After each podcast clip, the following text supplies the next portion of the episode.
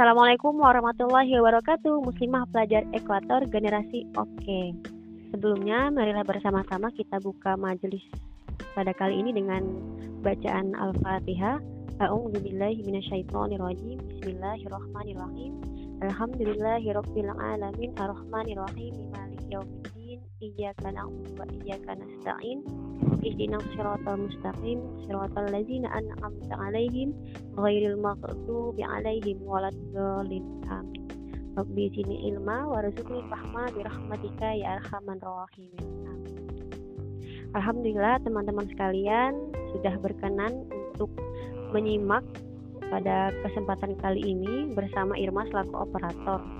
Nah, pada kesempatan kali ini teman-teman kita akan dibersamai dengan agenda seirama serial inspirasi Ramadan. Nah, pada sesi pertama ini seirama akan dibersamai oleh kakak pementor MP3 yang udah nggak asing lagi buat teman-teman MP3 yaitu Kak Vivi. Kak Vivi, Assalamualaikum. Say hi. Waalaikumsalam. Alhamdulillah. Bisa ketemu lagi ya, walaupun via online ya. Alhamdulillah. Terima kasih loh Kak Vivi sudah hadir bersedia diri pada kesempatan sesi pertama seirama ini. Insya Allah. Kan ada empat kali pertemuannya Kak Vivi ya. Jadi ini Ya, pertemuan betul. pertamanya seirama gitu. Jadi langsung aja ya Kak Pia eh, pada materi pertama ini kan judulnya PDKT puasa doang kagak tarawih gitu. Memangnya kenapa sih Kak hubungannya tarawih sama puasa terus hubungannya puasa sama ibadah-ibadah lainnya? Emangnya puasa itu esensinya seperti apa sih sampai eh, PDKT ini kayaknya menohok gitu. Puasa doang kagak tarawih kan yang ibadah-ibadah lain kan juga ya Kak ya. Jadi sebenarnya esensi puasa buat kita sebenarnya seperti apa sih Kak Vi? Mungkin boleh langsung aja Kak Vi nanti eh, penjelasan atau penjabarannya langsung nanti baru kita sesi tanya jawab berikutnya. Oke. Terima kasih atas waktunya ya, Kak Irma. Kakak buka pakai salam dulu ya. Assalamualaikum warahmatullahi wabarakatuh. Assalamualaikum warahmatullahi wabarakatuh. Alhamdulillahirrahmanirrahim. Kita bisa ketemu lagi sama Ramadan Tahun TV yang udah berjalan satu pekan. Eh, terima kasih sama Allah eh, karena sudah berkenan memberikan kita umur dan kesehatan untuk menjalankan ibadah puasa. Yang sedang sakit semoga disehatkan dan yang sehat semoga bisa dimaksimalkan. Eh, salawat dan salam juga kita haturkan kepada Rasulullah SAW karena berkat beliau kita bisa melaksanakan ibadah Ramadan dengan Islam yang kafah secara keseluruhannya. Nah, tema kita hari ini adalah puasa doang tapi kagak terawih. Apa sih hubungannya? Hubungannya sebenarnya adalah dengan gimana kita selama ini menjalani puasa kita.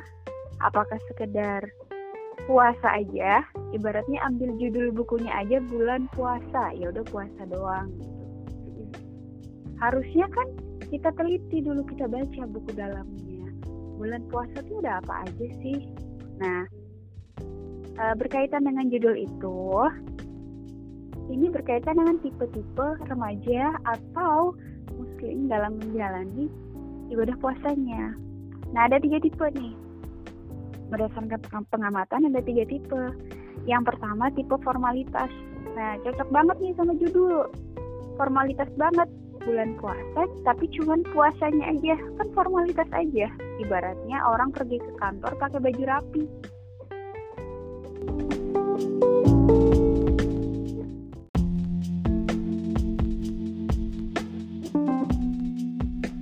Oke, lanjut ya. Iya Kak. Vi. diulang lagi tadi ada tipe yang pertama. Nah tipe yang pertama ini adalah tipe yang cocok banget sama judul. Puasa doang tapi kagak teraweh adalah remaja yang formalitas. Ya udah formalitas aja puasanya pokoknya kelihatan puasa aja. Pokoknya kelihatan sahur aja. Kelihatan buka puasa aja. Entah di dalam puasanya ada ibadah-ibadah yang ditingkatkan apa enggak. Nah formalitas nih cocok banget sama kaum kaum rebahan. Kaum kaum rebahan dalam artian dia yang melaksanakan ibadah puasanya hanya puasa aja tanpa ditambah dengan ngaji tanpa tambah dengan orang tua sholat tarawih sholat tahajud pokoknya sebagian besar waktunya dalam puasa itu hanya dihabiskan untuk uh, menyia-nyiakan waktu sehingga yang dia dapat hanya lapar aja. Gitu. nah yang tipe yang kedua nih ada nih. Agak sedikit naik level dikit lah ya. Minimalis. Minimalis. Kayak macam tipe rumah aja ya minimalis. Sebenarnya sama aja gitu. Tipe minim rumah tipe minimalis kan ini semua serba minimal gitu hmm. nah remaja tipe ini juga minimal gitu. Puasanya juga minimal. Uh, oke okay, dia tetap puasa. Full itulah ya puasa.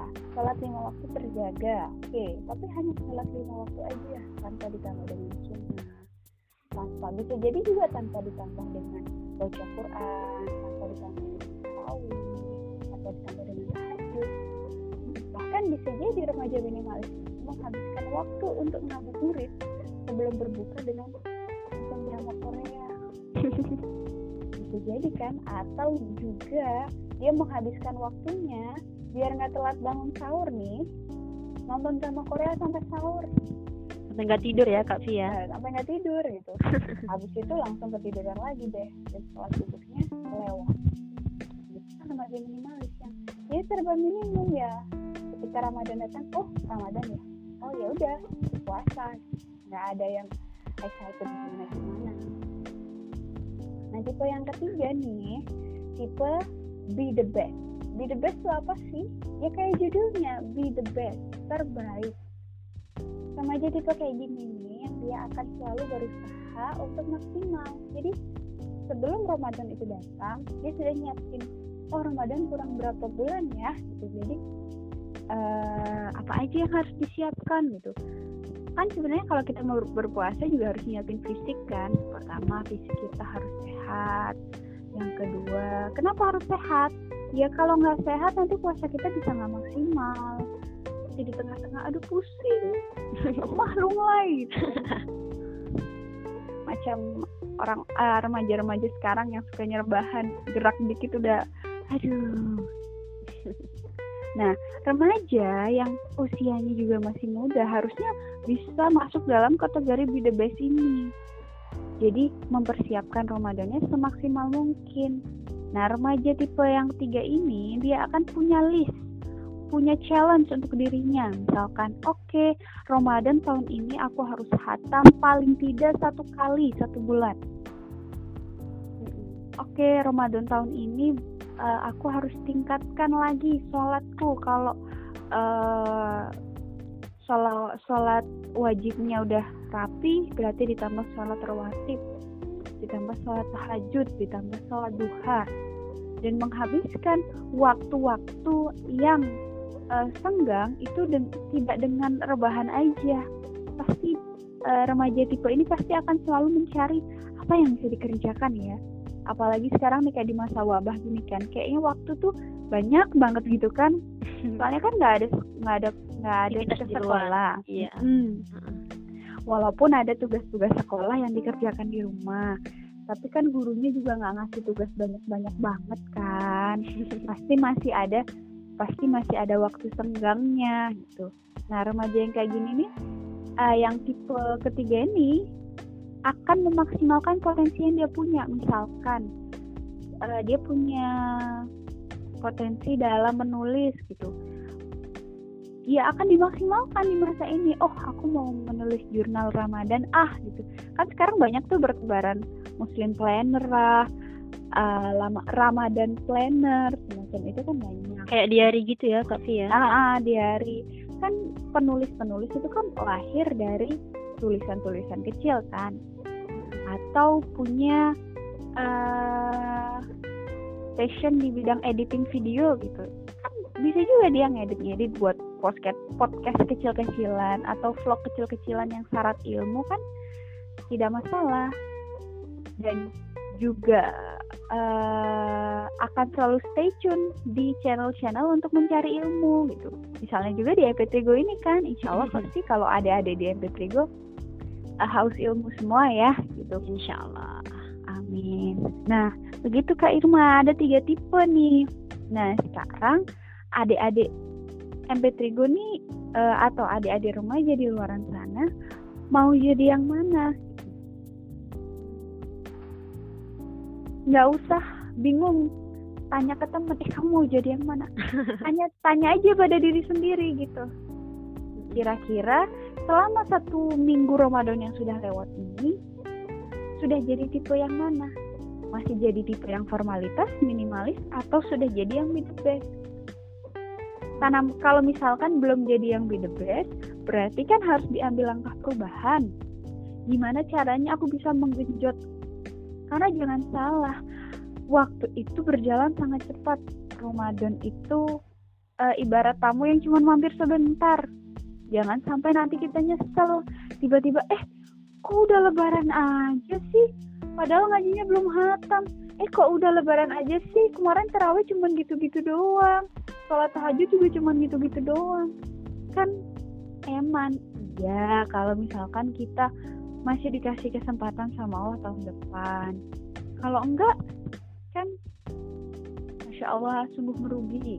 Iya ya sedih jadinya sedih dong gitu. Ini aja udah seminggu gitu. Iya, kakak iya. aja sendiri yang uh, udah bukan remaja lagi ya tapi tetap aja sebagai seorang muslimah Ramadan itu bulan yang mulia dan uh, berusaha untuk maksimal. Gimana lah cari jalan gitu. Apalagi adik-adik yang masih remaja ini yang makan masih uh, ada yang masakin gitu kalau masak sendiri ya juga nggak apa-apa mesti alhamdulillah. Alhamdulillah. Rata-rata kan masih ada orang tua yang masakin. Sahur juga bangun-bangun udah jadi gitu. Dibangunin pula ya kak dibangunin pula. Syukur-syukur bantuin ya. Uh, Irma banget tuh kak masih dibangunin. Nah jadi uh, tidak ada kata tidak mungkin buat kita untuk men-challenge diri sebenarnya. Karena sebenarnya waktu itu bisa kita sempatkan. Hmm. jangan pernah merasa kita tidak punya waktu. Karena sebenarnya itu mindset sih sebenarnya. Mindset mindset di kepala kita. Kayak ih nggak nutut nih masih ada tugas sekolah masih ini masih itu. Ya berarti kan masalahnya ada di manajemen waktu kita. Gimana kita memanajemen waktu supaya apa yang kita challenge pada diri kita dan tugas-tugas wajib kita terpenuhi. Nah satu lagi saran dari kakak. Uh, ketika Ramadan ini apalagi di masa wabah ini kan kita di rumah aja nih. Udah deh nggak usah yang sibuk mau berbukber lebih baik maksimalkan diri untuk berbakti pada orang tua di rumah. Bantu paling nggak bantu e, nyapu rumah atau bantu potong-potong sayur. Apalagi muslimah nih calon ibu nantinya. Kita nggak bisa masak bukan ya bisa lah jadi jadi sarana belajar atau mendekatkan diri pada ibu bapak kan? Nah intinya adalah sekarang gimana cara kita bisa memberikan kesan terbaik di bulan Ramadan ini sampai kita termasuk umat Nabi yang merugi karena Nabi sendiri bilang kan kalau kita kalau orang yang beruntung adalah orang yang bisa berubah dan lebih baik dari hari kemarin. Ingat surat Al-Asr, demi masa sesungguhnya manusia merugi. Kecuali orang-orang yang uh, bertakwa dan ber, uh, illa alladziina amanu wa amilus solihati wa tawassaw bil haqqi wa tawassaw sabr. Kecuali orang-orang yang uh, saling menasehati dalam kebaikan dan bertakwa. Jadi selain kita uh, meniatkan pada diri sendiri untuk uh, menerapkan Ramadan yang the best, juga kita mengajak teman-teman kita lewat apa? Misalkan ngajak teman, yuk ikut kajian. Kajian di mana? Online dong, tenang, bisa tetap di rumah. Itu kan hal kecil tapi bermakna besar. Oke, begitu Kak Irma. Oh, Masya Allah ya Kak Pia, berarti dalam puasa ini remaja itu kayak Irma lah ya kayak teman-teman sekalian yang dengerin podcast ini ada tiga tipe ada yang puasa doang nih ada yang minimalis puasa iya ibadah iya tapi gitu-gitu aja ya Kak Vi ya nggak ada nggak ada nama lain. Tapi ini udah mendingan ya Kak Vi dari tipe yang pertama Ya mendingan dikit lah, naik mendingan dikit, lah ya dikit. levelnya. Ah. terus tipe yang ketiga itu yang be the best tipe yang produktif banget ya Kak Vi yang bisa memanfaatkan waktu sebaik-baiknya gitu Irma, ngera-. Irma sih ngerasa ya Kak Vi eh, selama Ramadan ini walaupun diiringi wabah Irma ngerasa beruntung banget karena akhirnya Irma bisa melingkar bareng orang tua, melingkar bareng saudara selama buka puasa, selama sahur. Dan ini udah berjalan sekitar 8 hari dan Irma nggak ngebayangin nanti sampai 30 hari bakal melingkar bareng selama makan, selama buka, selama sahur. Itu masya Allah banget banyak insight baru yang Irma dapatkan dari keluarga yang Irma sebelumnya nggak paham. Jadi Irma paham. Jadi bisa jadi jalan buat lebih dekat sama keluarga ya Kak Via Ramadan ini gitu.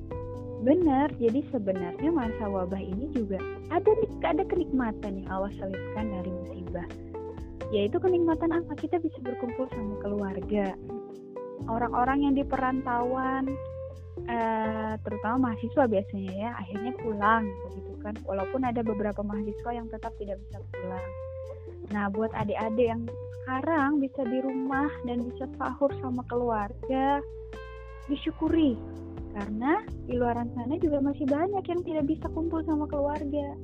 Jadikan eh, masa wabah ini sebagai kenikmatan. Jadi kita nggak ngeluh aja jadinya. Begitu. Jadi ada momen yang dimanfaatkan gitu ya Kak Vi sama Ah, tipe yang ketiga ini gitu. Memang betul-betul memanfaatkan, memanfaatkan.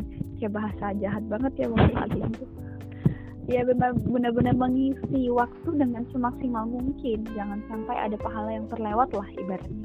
Sayang banget ya Kak Via berarti jadi muslimah yang produktif yang emang udah ciri khasnya muslimah banget ya Kak Via produktif gitu. Iya, produktif. Kalau misalkan ada hukum-hukum misalkan yang belum dia ketahui, syariat-syariat yang belum dia ketahui, dia akan selalu cari tahu. Yang sudah diketahui akan diterapkan. Mencoba mengamalkan ya Kak Via. Ya, betul. Berarti ini langsung ke pertanyaan boleh Kak Vivi? Boleh, boleh. Oke. Jadi kita bakal nyampe ini teman-teman pertanyaan yang udah kita dapat dari teman-teman sekalian beberapa hari yang lalu. Nah, pertanyaan pertama ya Kak Via. Boleh? Iya, silahkan. Nah, jadi ada yang bertanya setelah membaca tiga tipe orang yang berpuasa, sebenarnya arti puasa itu sebenarnya gimana sih kak? Pertanyaannya. Ini, per- ini pertanyaannya dibacain dulu baru jawab ya kak Pia? Arti Eh, Satu-satu aja oh, deh. satu. Oke. Nah, Oke. Silakan kak Pi. Oke, jadi arti puasa. Puasa itu kan menahan diri dari lapar dan haus. Itu kalimat kon, eh, kalimat tekstualnya. Ada eh, di balik di balik itu ada maknanya. Menahan lapar dari haus, eh, menahan diri dari lapar dan haus. Maksudnya kita juga harus menahan diri dari berbuat dosa, menahan diri dari hawa nafsu. Kita juga eh, diajarkan untuk hmm, gimana caranya kita bisa tetap survive taat sama Allah walaupun dalam keadaan yang sulit. Gitu. Dan memang Allah berikan eh, balasan yang setimpal. Allah kasih maghfirah, Allah kasih keberkahan, pahala yang berlimpah. Eh, tapi jangan lupa ya, dosa juga mungkin bisa jadi Allah lipat gandakan di bulan ini. Wah. Jadi eh, maksud kakak adalah gimana caranya kita bisa memaksimalkan waktu kita dengan baik. Karena tadi esensi puasa adalah bentuk ketaatan kita pada Allah. Allah kan perintahkan kamu jangan makan. Hambaku, wahai manusia, jangan makan dan jangan minum. Kalau kita taat akan kita laksanakan itu. Jadi makna puasa ini adalah bentuk ketaatan kita pada Allah. Sami'na wa. Apa pun yang Allah perintahkan akan kita laksanakan tanpa tapi, tanpa bertanya kenapa. Gitu. Tanpa tapi ya kak Pia. Iya. Berarti syarat makna ya Kak Pi nggak hanya menahan haus dan lapar puasa ini ya. Ya betul. Hmm, sama seperti ketika kita membaca syahadat asyhadu alla ilaha illallah wa asyhadu anna. Aku bersaksi bahwa tiada Tuhan selain Allah dan Nabi Muhammad adalah utusan Allah. Artinya memang itu, tapi maknanya adalah ketika seorang hamba bersaksi bahwa tiada Tuhan selain Allah, berarti dia juga meyakini bahwa tidak ada aturan selain aturan Allah yang harus ditaati. Dan artinya seluruh aturan yang Allah turunkan dan seluruh hadis dan contoh yang Rasulullah berikan ya harus menjadi suri tauladan kita dan mengisi setiap langkah kita di bumi ini. Begitu secara kafah ya Kak secara keseluruhan harus kita Iya, betul. Harus kafah gitu karena ya ibaratnya begini. Kalau misalkan kita kerja part time nih, hmm. kan gajinya setengah. Tapi kalau kita kerja full time, gajinya ya juga full. Sama aja juga kayak gitu. Kita ya juga harus menyerahkan diri kita seluruhnya pada Allah. Termasuk pelaksanaan aturan juga harus seluruhnya kita laksanakan. Kalau setengah-setengah ya Allah juga pikir-pikir lagi mau masukin kita ke surga. Ya ya ya. Lanjut ya Kak Pi ke pertanyaan kedua. Ini sepertinya kurang lebih sama kayak pertanyaan pertama, tapi karena membandingkan. Jadi bagaimana jika kita masuk dalam tanda tipe kedua? Jadi ada yang sadar nih kak Vi kalau kalau saya masuk tipe kedua gitu misalnya. Emangnya salah? Kan emang pentingnya nahan dahaga sama lapar tuh puasa esensinya gitu. Hmm. terus gimana sih biar kita kayak sadar gitu kak kalau ya esensinya ya nggak hanya nahan lapar sama dahaga doang gitu. Mungkin ini lebih ke teknis sih kak Vivi gitu. Sebenarnya nggak salah. Kalau kita cuman pada gitu-gitu aja. Tapi kita balikan lagi ke per, uh, ke pertanyaan itu. Kamu nggak salah Ramadan cuma datang setahun sekali tapi cuma mau gitu-gitu aja. Gitu kan? Jadi ya balikin lagi pertanyaan ke diri kita sendiri. Nggak salah nih. Tamu agung datang cuma sebulan eh, setahun sekali cuma sebulan doang. Masa kita cuma suguhin teh doang gitu kan ibaratnya gitu. Jadi ya harus ada memang untuk menjadi tipe yang be the best memang harus ada paksaan dari dalam diri sendiri.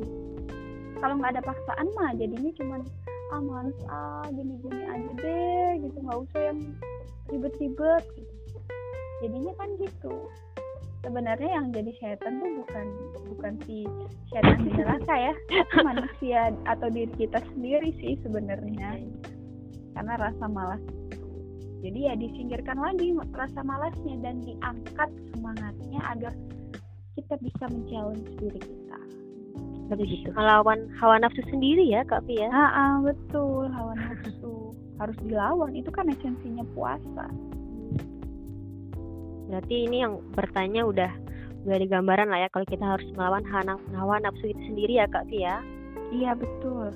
Semangat semangat. Nah, dari Kak Fi langsung semangat. Nah, ini Kak Fi pertanyaan ketiga. Uh, zaman Rasulullah saat bulan puasa itu kan berlangsungnya perang Badar. Ah, iya nih Kak Fi. Ada perang Badar ya Kak Fi pas berlangsungnya bulan puasa. Terus oh ini bertanya, kok bisa ya Kak gitu. Kok bisa ya? Mungkin dia bertanya, kok bisa sih udah puasa terus perang gitu Kak Fi. Kok bisa sih zaman Rasulullah sama sahabatnya Rasulullah bisa kuat, bisa bisa nggak batal gitu puasanya. Silakan Kak Fi. Oke kasih uh, informasi aja.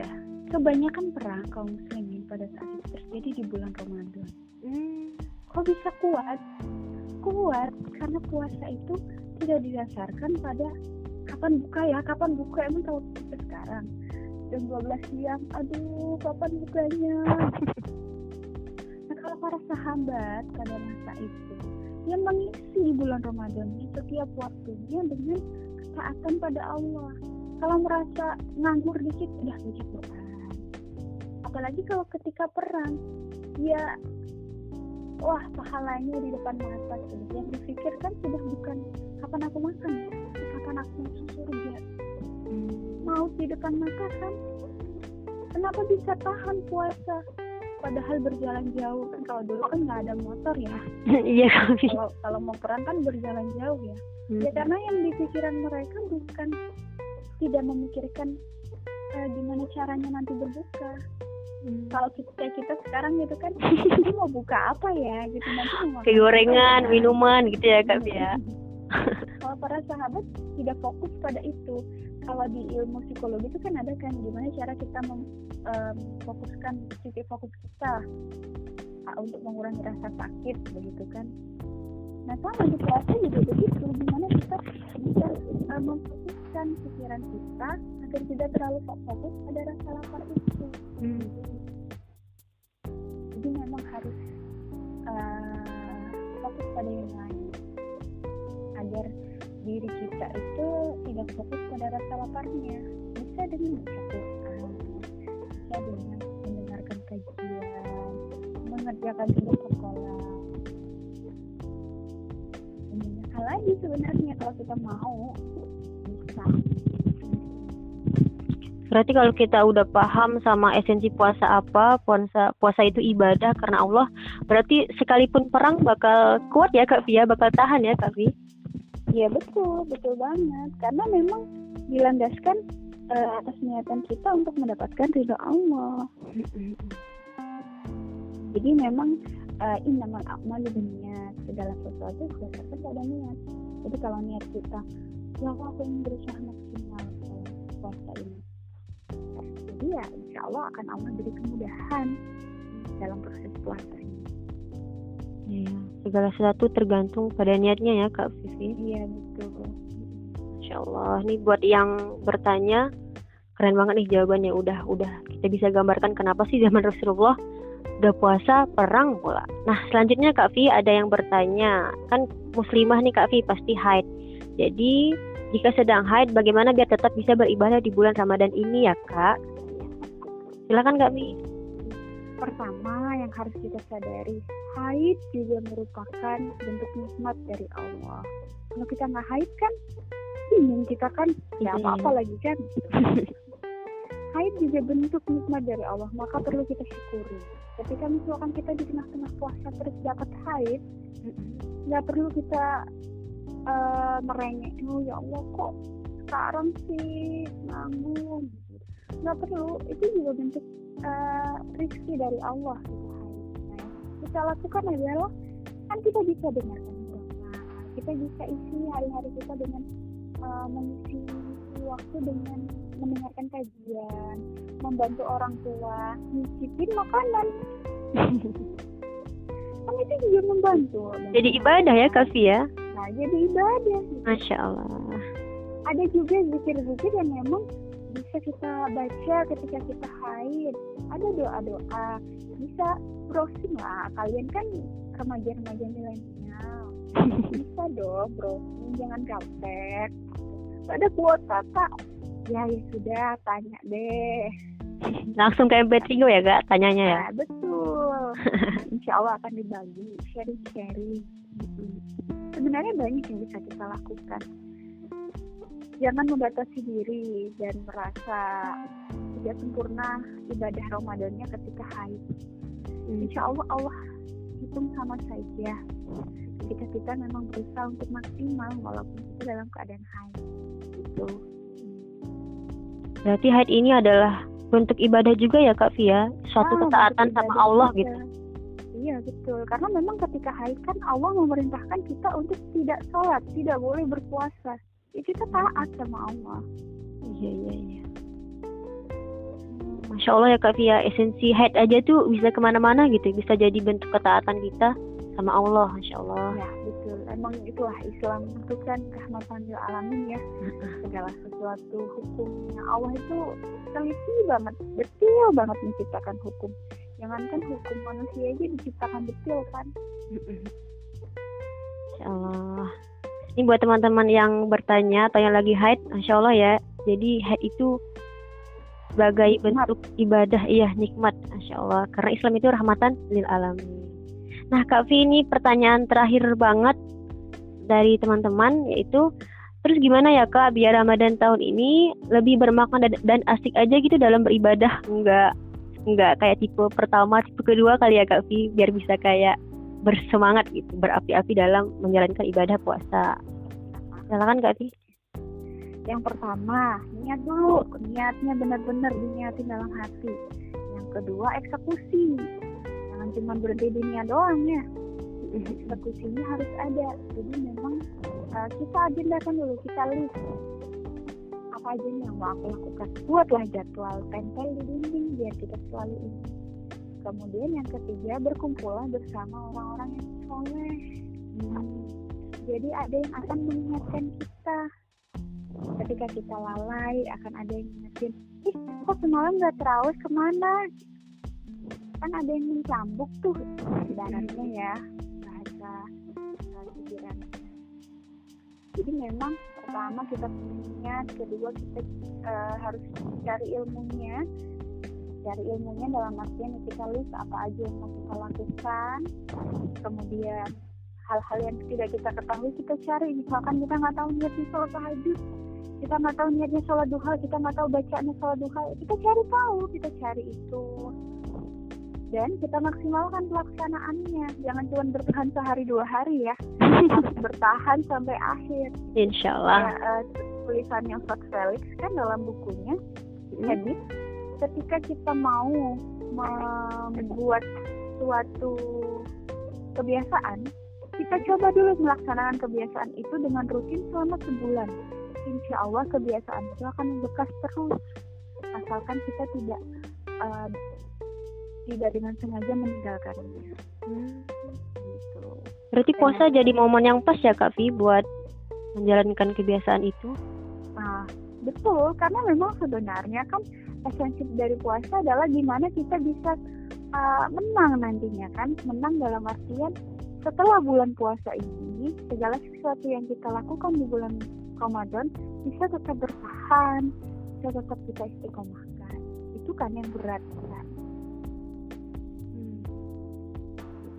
jadi jangan lupa juga poin yang ketiga adalah teman yang solihah karena berubah itu butuh teman.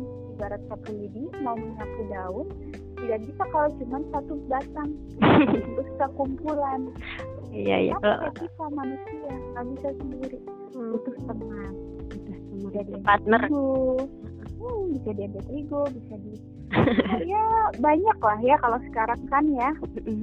Website juga banyak Berarti kita butuh teman ya Kak Vi buat menjadikan Ramadan ini lebih asik gitu. Iya betul butuh teman.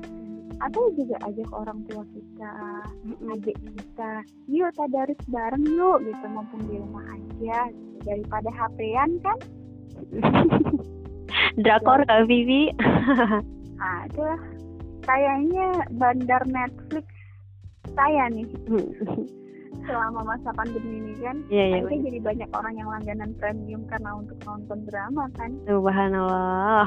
harusnya harusnya sih kita juga mengupgrade kualitas iman kita supaya jadi premium juga. Ya bisa dapat cek premium langsung ke surga. Masya Allah amin amin insya Allah. Nah, ya kita berarti masya Allah ya kak Vi kita butuh teman soliha gitu uh, perkumpulan niat pasti terus kita langsung eksekusi langsung action gitu. Nah kalau teman soliha mah langsung aja ya kak Vi berarti di MP3 join ah Anissa Aisyah. Maaf ya. Masya Allah ya. Berarti Masya Allah ya Kak ya dari semua yang Irma Irma dapatkan Irma tercurah banget gitu. Pasti teman-teman juga lah di luar sana. Ternyata esensi puasa itu luas banget cakupannya. Masya Allah banget bikin semangat beribadah. Nah Kak barangkali ada kesimpulan dari Kak Vi sebelum kita tutup pertemuan kali ini seperti itu? Oke, nah kesimpulannya kali ini adalah uh, kalau kita masih merasa kita tipe yang formalitas dan minimalis, hmm. langsung ambil tindakan. Hmm. Itu udah kritis. Jangan sampai uh, terlambat. Harus diambil tindakan agar bisa menjadi be the best. Oke? Okay? Be the nah, best. Setelah kita sudah menjadi be the best, selalu challenge diri kita agar bisa jadi remaja yang maksimal dalam ibadahnya kalau sudah uh, sudah di agenda-agenda yang akan dilakukan cari tahu cari ilmunya. Jangan jadi remaja yang pasif jadilah remaja yang aktif mencari ilmu. Hmm. karena kalau kita pasif ya segitu-gitu aja tahu.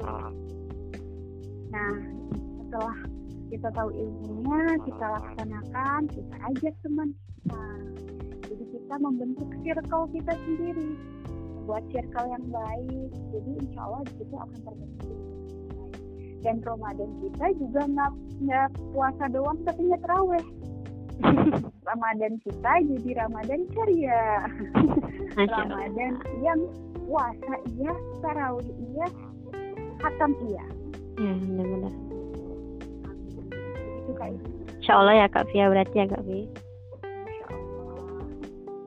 Bisa Insya Allah bisa. Harus insya Allahnya yang benar-benar arti insya Allah ya yang 99 persen jadi ya. Itu Hmm. Makasih banyak ya Kak Vi udah berkenan gitu berkesempatan buat nyampein materi buat adik-adik MP3 Go Masya Allah banget bermanfaat banget. Mumpung puasanya masih hari ke-9 ya Kak Vi hari ini. Jadi masih ya. masih ada waktu buat menjadi be the best produktif ya muslimah produktif gitu. Makasih banyak Kak Vi, semoga bisa bertemu kembali uh, pada kesempatan lainnya. Terus teman-temannya di MP3 juga pasti bakalan bisa ketemu langsung sama Kak Vi ya. Amin, semoga wabah ini segera berlalu. Oke. Okay. Ya, selamat menyiapkan buka puasa. Udah ya Kak Pia berarti ya? Ya. Terima kasih Kak Vi. Waalaikumsalam warahmatullahi wabarakatuh.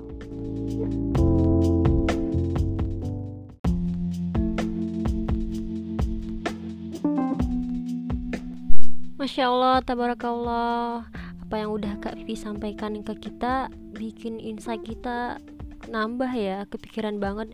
Ternyata esensi puasa itu sampai sedalam ini. Nah buat teman-teman yang pengen banget diskusi atau tanya jawab sama pematerinya langsung Kak Vivi bisa langsung join di grup MP3 Go langsung klik link di bio Instagram MP3 go.pnk Nah teman-teman follow aja. Nanti terus klik link yang ada di bio. Terus kalau emang pengen tanya jawab lebih dulu Bisa langsung DM nanti dibalas sama admin pasti insya Allah nah buat teman-teman sekalian ini masih serial yang pertama. Teman-teman nantikan sampai tiga serial berikutnya. Jadi kita masih punya tiga jadwal selama edisi Ramadan kali ini. Serial inspirasi Ramadan. Nah buat teman-teman sekalian selamat berbuka Semangat ya puasanya buat hari-hari berikutnya. Sekian dari Irma pamit undur diri. Subhanakallahumma wa bihamdika asyhadu alla ila anta astaghfiruka wa atubu ilaih. Wassalamualaikum warahmatullahi wabarakatuh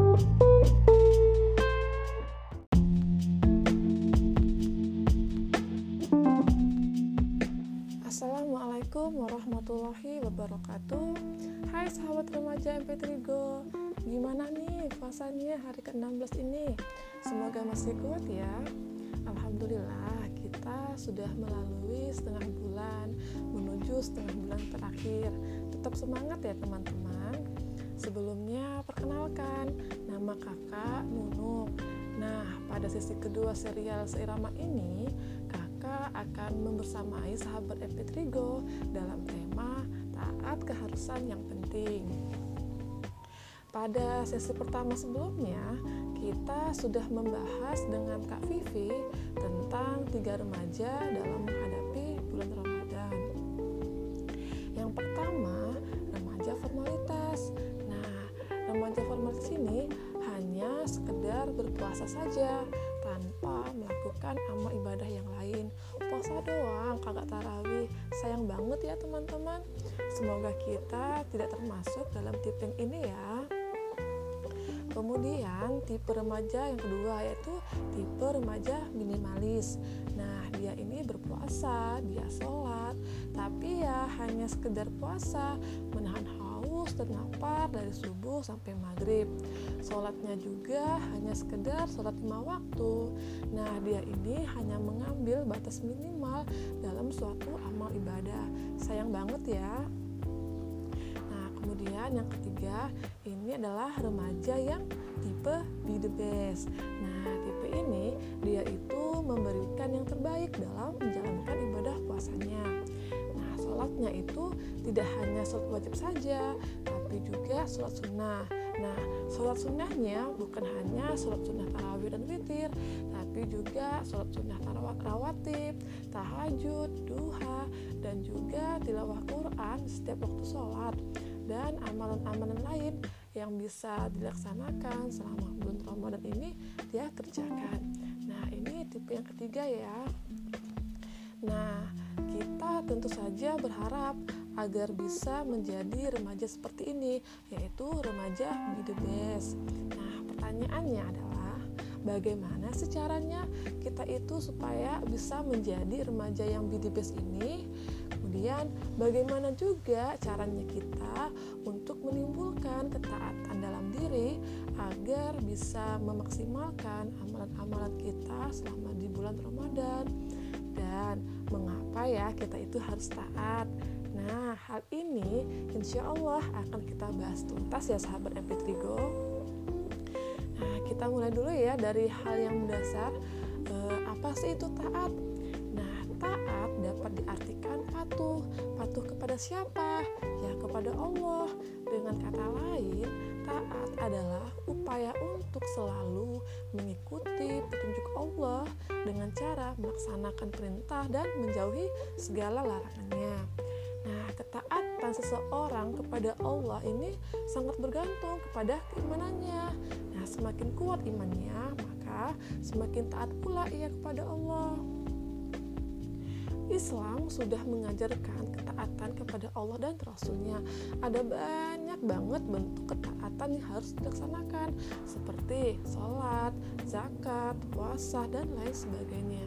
Secara umum, taat kepada Allah berarti berusaha untuk melaksanakan perintah-perintahnya dan tidak melanggar larangan-larangannya. Sedangkan taat kepada Rasulnya berusaha melaksanakan risalah yang diajarkan dalam artian meneladani perilaku Nabi Muhammad SAW sebagai representasi bahwa beliau adalah uswatun hasanah atau teladan yang baik. Kemudian, mengapa sih kita harus taat kepada Allah?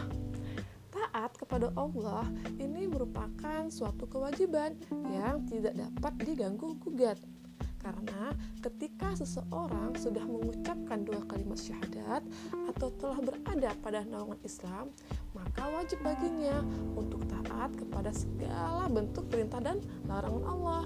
Kenapa? Karena kita adalah makhluk ciptaan Allah yang lemah, tidak tahu apa pun dan serba terbatas. Allah sudah menciptakan kita lengkap dengan seperangkat aturan yang boleh dan tidak boleh kita kerjakan. Nah, semua itu hanya agar kita itu bisa tetap hidup sesuai dengan fitrahnya. Nah, kemudian bagaimana jika dilanggar? Nah, tentu saja akan menimbulkan kekacauan di mana-mana. Sebagai contoh, misal ya, eh, kita mau membuat kue bakwan. Nah, aturannya kue bakwan itu kan dibuat dengan campuran tepung, telur, kacang, eh, kacang panjang, wortel, kol, kemudian sedikit air dan eh, bumbu-bumbu. Nah, bagaimana kalau bahan-bahannya ini kita ganti dengan telur, tepung, gula, dan mentega? Tentu tidak akan menjadi sebuah bakwan ya, tapi malah akan menjadi sebuah cake. Nah, cara membuat bakwan juga harus digoreng, bukannya dipanggang. Nah, kemudian apa yang akan terjadi jika kita itu menyalahi aturan dalam membuat bakwan? Bisa jadi bakwannya itu tidak akan berbentuk bakwan, tapi malah akan berbentuk makanan yang lain ya. Nah, inilah pentingnya kita itu harus taat kepada Allah agar tidak menjadi kacau balau, agar tetap menjadi manusia yang beradab. Lantas, kepada siapa kewajiban taat ini dijatuhkan? Nah, dalam surah An-Nisa ayat ke-59, Allah Subhanahu wa taala berfirman yang artinya adalah Wahai orang-orang yang beriman, taatilah Allah dan taatilah Rasulnya dan kepada para pemimpin di antara kamu. Kemudian, jika kamu berselisih pendapat tentang sesuatu, maka kembalikanlah ia kepada Allah dan Rasulnya. Jika kamu benar-benar beriman kepada Allah dan hari akhir. Nah, yang demikian itu lebih utama dan lebih baik akibatnya. Quran Surah An-Nisa ayat ke-59. Nah, dari ayat ini dapat dipahami bahwa kewajiban taat jatuh kepada orang yang beriman. Kemudian bagaimana e, terhadap orang yang kafir yang enggak ya mereka gak wajib taat dong ya iya karena ya kita itu e, mengimani hal yang berbeda nah di sini siapa aja yang beriman nah di sinilah orang-orang yang meyakini keberadaan Allah yang meyakini Rasulullah sebagai utusannya. Nah kira-kira kita ini termasuk nggak orang yang beriman? Ayo wajib ya buat kita untuk taat. Taat pada siapa? Masih di ayat yang sama dijelaskan kita itu wajib taat kepada Allah dan taat kepada Rasulullah serta kepada pemimpin yang taat kepada Allah dan Rasulnya. Ayat ini juga mengatakan jika kita itu berselisih terhadap sesuatu maka kembalikan lagi kepada Allah dan Rasulnya karena ya Allah yang lebih tahu daripada kita. Kemudian muncul lagi nih pertanyaan kapan dan di mana kita harus taat teman-teman perintah taat ini itu diberikan kepada orang yang beriman. Nah ketaatan itu bisa berupa mengikuti segala perintah dan menjauhi segala larangan Allah. Apakah mungkin lantas kita bisa memilah dan memilih kapan kita ingin melaksanakan perintahnya kapan kita ingin menjauhi larangannya? Misal hari ini kita sholat tepat waktu e, tapi besok kita tidak sholat tanpa adanya uzur syari itu nggak boleh ya. Kemudian contoh lagi di masjid kita beribadah tapi di luar masjid kita bermaksiat. Nah tidak seperti itu ya sahabat MP3 sekalian. Nah perintah tak ini itu harus dilakukan kapan pun di mana pun dan dalam kondisi apa pun. Tidak boleh seperti prasmanan yang ini dilaksanakan yang itu dilanggar. Nggak boleh begitu ya terakhir nih, bagaimana cara kita untuk taat kepada Allah? Nah, yang pertama itu melaksanakan sholat lima waktu, wajib ya bagi kita. Nah, kemudian yang kedua melaksanakan ibadah puasa di bulan Ramadan. Nah, kita sekarang lagi berada di bulan Ramadan. Nah, kemudian yang ketiga berbuat baik kepada kedua orang tua, mengasihi dan menyayangi mereka. Nah, yang keempat menunaikan zakat, bersedekah dan berinfak apabila kita mampu. Nah, yang kelima, baik e, berbuat baik kepada teman-teman meski berbeda kepercayaan sekalipun. Enam, mengasihi semua makhluk yang ada di bumi, termasuk binatang maupun tumbuhan. Yang ketujuh, menjadikan Al-Quran sebagai pedoman hidup kita. Kemudian, belajar bersungguh-sungguh sebab Allah Subhanahu wa taala meninggikan mereka yang ahli ilmu dibanding mereka yang ahli agama. Dan yang terakhir, tidak melakukan perbuatan syirik, fitnah, ghibah, riya dan perilaku tercelah lainnya. Jadi kesimpulannya, ketaatan seorang hamba pada Rabbnya, nah ini diwujudkan dalam bentuk patuh dalam melaksanakan segala perintahnya dan meninggalkan segenap larangannya. Bagi kita kaum muslim, ketaatan kepada Allah ini juga harus disertai ketaatan kita kepada Rasulullah. Nah, barang siapa yang taat e, kepada Allah dan taat kepada rasul-rasulnya dan bertakwa kepadanya, maka mereka lah orang-orang yang beruntung dan barang siapa yang kafir terhadap Allah dan rasul atau rasul-rasulnya maka orang-orang itu telah sesat dengan kesesatan yang jauh. Nah demikian ya teman-teman solihah sekalian mengapa kita itu harus taat terlebih di bulan Ramadan seperti ini? Sayang sekali rasanya kalau kita itu hanya melewatkan uh, untuk hal yang sia-sia Eh, sekian dari kakak. Assalamualaikum warahmatullahi wabarakatuh.